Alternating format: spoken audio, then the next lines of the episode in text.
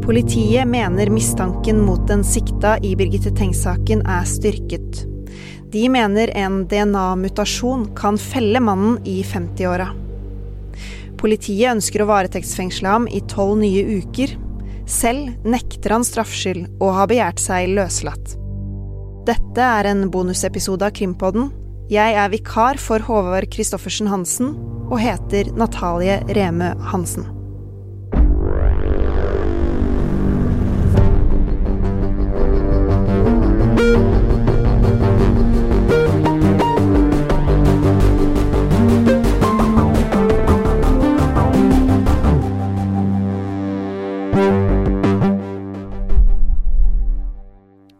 Torsdag formiddag så kom det frem at politiet mener mistanken mot mannen i 50-åra som er sikta for drapet på Birgitte Tengs, er styrka.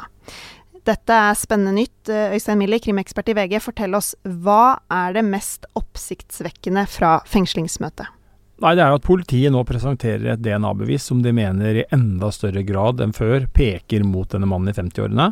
De mener at øh, dette DNA-sporet øh, nå kan utelukkes at det kommer fra noen i hans farsslekt, som har vært et tema før. Uh, og man sa også i fengslingsmøtet at man at man utelukker at det kan ja, Bortimot utelukker at det kan komme til, til fra andre an, utenforstående. Så de, i praksis så peker politiet i retning av at det mer eller mindre bare kan komme fra han.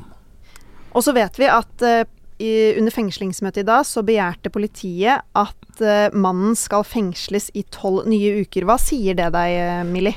Nei, politiet har jo nå endra litt på fengslingsgrunnlaget. fordi at i starten her så brukte man det som vi kan på enkelhets skyld si ofte skjer i innledningen av en sak. Da, da bruker man bevisforspillelsesfare, og man lener seg på at det er skjellig grunn til mistanke, altså at det er mer enn 51% sannsynlig at den du vil ha varetektsfengsla, kan knyttes til saken. Nå Uh, har politiet benytta uh, paragraf 172 i straffeprosessloven, og den uh, Der står det at man kan bruke den når det er en tilståelse eller særlig sterke bevis som taler for at vedkommende har gjort det man er sikta for, og at man kan at det er nødvendig med fengsling fordi at det kan støte den allmenne rettsoppfatning hvis vedkommende får gå løs i påvente av en antageligvis da, en hovedforhandling. Um, eller at det kan være å si, fare for altså hensynet til samfunnet. Um, og det politiet også sier nå, jo, som jo gjør at man helt åpenbart uh, har tatt denne saken et steg videre, at nå snakker man jo om en hovedforhandling, altså en rettssak mot denne mannen i 50-årene, og at det kan skje i um, løpet av et år, altså høsten 2022, er det man har nevnt i dag. Og det uh, sier oss jo at politiet nå er mye sikrere enn de har vært før. De har aldri sagt at det går mot en rettssak, og når de sier det, så mener de også at det er grunnlag for en tiltalebeslutning. Og når de mener det er grunnlag for en tiltalebeslutning, så mener de også at denne mannen, at de har sterke nok bevis da, til å kunne dømme, få denne mannen dømt for Birgitte Tengs-drapet. Så, så, så, det er en ganske, ganske spesiell utvikling, og ganske stor endring i hvordan politiet ser på denne saken uh, nå, enn det var uh, ved forrige korsvei. Men så vet vi at forsvareren til mannen i 50-åra, Stian Christensen heter han, peker på mulig forurensing og usikkerheter ved det nye DNA-funnet. Vi skal høre hva han sier om det.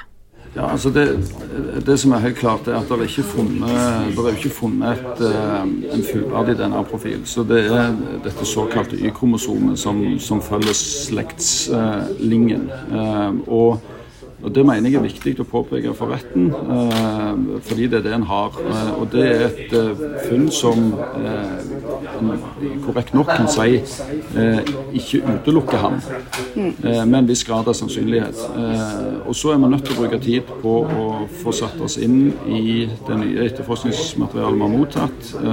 Vi kommer også til å knytte til oss DNA-ekspertise, som skal hjelpe oss å i større grad forstå de resultatene metodene og metodene som brukes i forhold til, til denne undersøkelsen. Det er ikke funnet et fullverdig DNA-profil, sier altså den siktedes forsvarer.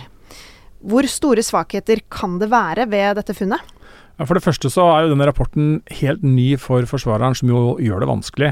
Eh, den kom jo i, på onsdag, og fengslingsmøtet var nå på torsdag. Eh, og det er jo en rapport som han sier at klienten hans oppfatter som vanskelig tilgjengelig. Det er en rapport sånn som vi Vi har ikke sett den, men sånn som den blir beskrevet, så er den er en, et tungt fagspråk. Um, og Forsvareren peker jo på at det er usikkerhetsmomenter rundt dette. her. Han har jo en klient som nekter straffskyld, nekter for å ha noe som helst befatning med drapet på Birgitte Tengs å gjøre.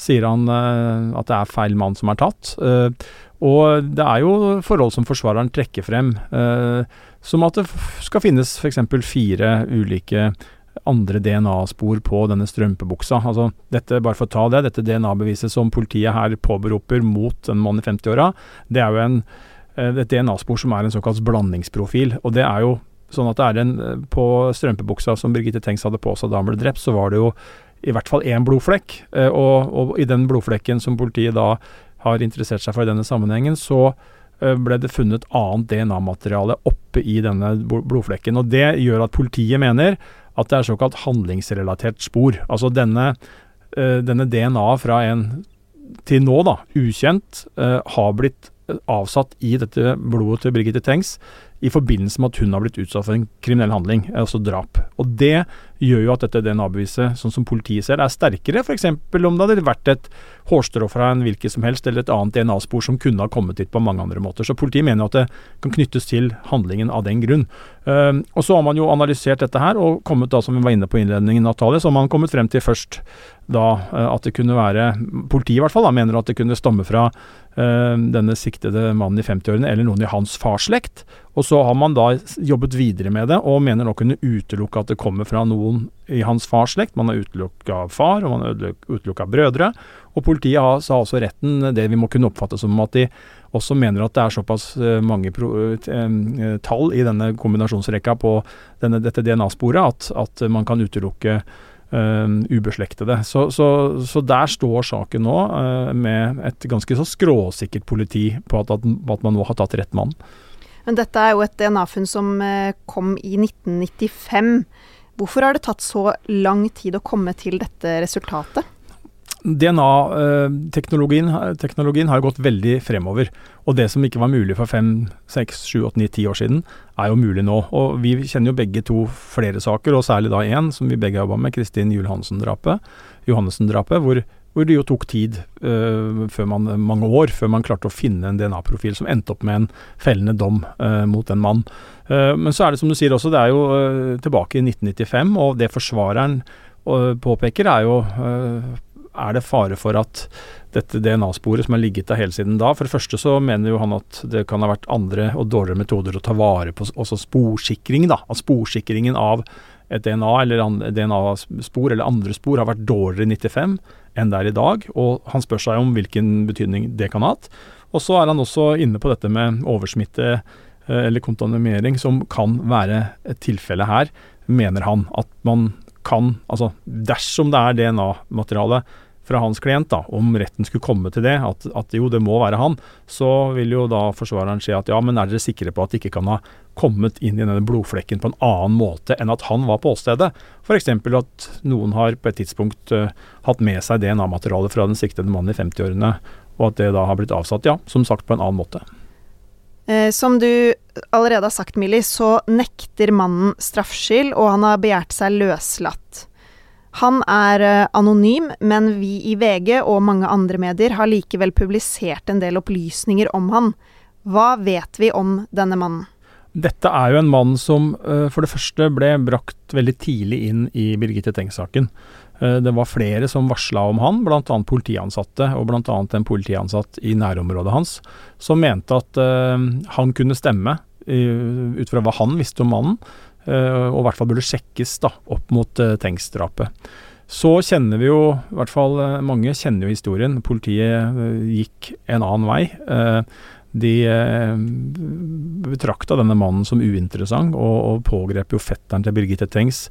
han ble jo da etter hvert dømt i herresretten, frikjent i lagmannsretten, men fikk jo ble likevel dømt til å betale erstatning. og så Eh, ble jo saken liggende der i mange år. Um, og så har jo eh, da cold case-gruppa i Kripos først sett på denne saken. De begynte med det for ja, ca. fem år siden. Og så har det vært en lang etterforskning hvor man har bl.a. konsentrert seg om DNA. Og da har jo denne mannen dukka opp igjen som en høyinteressant eh, skikkelse. Eh, og um, han, uh, altså, når han kom inn i Tengs-saken eh, den gangen, så handla det jo ikke om noen DNA-spor, for det hadde man ikke noen anelse om at man senere skulle finne og kunne påberope, men det handla om hans modus. Og han, han har brutt seg inn hos en kvinne og, og stjålet undertøy. Han har angrepet en psykolog. altså han har en del um, Politiet mener han har en del uh, ting han er dømt for, og som det knytter ham til, som føyer seg inn i et bilde av å kunne være en såkalt moduskandidat. og det vil si, altså Moduskandidat vil si en person som kan tenkes å ha gjort noe sånt, og noe sånt i denne sammenheng er jo da uh, å overfalt og, og drept Birgitte Tengs. Så det er på en måte bakgrunnen hans.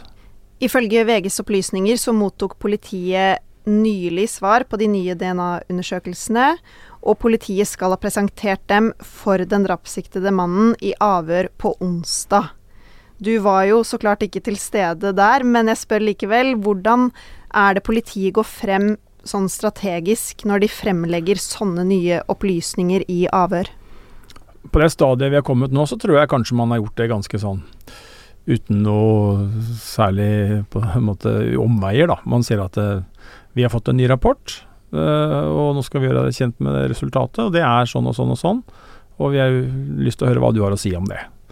Og så vet vi jo, det er jo viktig å understreke eh, gang på gang på gang øh, i denne sammenhengen, og særlig det stadiet vi står på nå i denne saken, er jo at den mannen i 50-årene, han nekter straffskyld, og han nekter for å ha vært i nærheten og har ingenting, sier han, med drapet på Birgitte Tengs å gjøre, og han skal jo betraktes som uskyldig frem til det motsatte er bevist. Eh, og det motsatte er ikke bevist nå, selv om politiet påberoper et DNA-bevis som de mener er sterkt, og som de vel mener er sterkt nok sammen med andre bevis til å kunne komme i retten, så er det fortsatt sånn at han er å anse som uskyldig til det motsatte er bevist, og det er ikke eventuelt bevist før det faller en dom. Og uh, dit er det jo fortsatt uh, et godt stykke. Politiet har begjært ham varetektsfengsla i tolv nye uker, men det er heller ikke sikkert. Hva vil skje fremover nå? Nå vil jo først da retten vurdere den begjæringa på tolv ukers varetektsfengsling, og så kan jo den uavhengig altså, av resultatet, så kan den angripes. Enten kan politiet anke hvis det, ikke de får medhold, og forsvareren kan anke hvis, uh, hvis han og, eller de, team, ikke får medhold. Og så hvis det da blir stående, så, så vil han jo bli sittende i varetekt i første omgang i tolv uker. Og så skal det jo prøves igjen. Og så skal man parallelt med det, så når man uh, holder noen i varetekt på det stadiet her, hvor man sier at man egentlig sitter og venter på at påtalemyndigheten skal ta ut en tiltale og få saken inn for retten, så legges det et press på påtalemyndigheten fra domstolene for å få progresjon og uh, hurtighet, i den grad det er mulig. fordi at man skal ikke la en fyr sitte sittende uten å være dømt i påvente av en rettssak i det uendelige. Så det blir liksom en det blir et slags press på å mm, få fart, fart, på prosessen. Samtidig så gjenstår det en del ting. Politiet sa vel i retten i dag at etterforskninga begynner å nærme seg slutten, med at det er en del sakkyndige eh, rapporter og sånn rundt dette DNA-sporet som må på plass. Og så vil det jo bli beramma en rettssak, da, eh, hvis politiet opprettholder synet på at det er Eh, en så sterk bevissituasjon som han eh, tar til orde for i dag. Og da vil han eh, måtte møte i retten da i første omgang i, i tingretten, da trolig i, i Stavanger hvor denne saken ligger nå. Og så vil jo det bli en full rettssak med prøving av alle bevis. Og så kommer det en dom, og så vil den dommen kunne ankes inn for lagmannsretten. Så vil det bli en ny runde i lagmannsretten, og så vil det ja, for alle praktiske formål komme en endelig dom. Der fins jo noen muligheter etter en lagmannsrettsbehandling å gå til Høyesterett med visse spørsmål, men, men, eh, og det kan hende skjer her, det får tida vise, men, men, det er i hvert fall det som er prosessen. Så det er fortsatt langt igjen til vi kan si at denne saken er eh, avslutta og konkludert. Du har hørt en bonusepisode av Krimpodden, og vi følger saken tett i tida som kommer. Krimjournalistene Hanne Haug Røseth, Ådne Husby Sandnes, Gordon Andersen og Morten Hopperstad har bidratt med journalistikken i denne episoden. Ronny Furuvik har laga musikken, og Isak Egge Brønseth var teknisk produsent. Produsent for Krimpodden er Vilde Våren, og jeg heter Natalie Remø Hansen. Vi høres.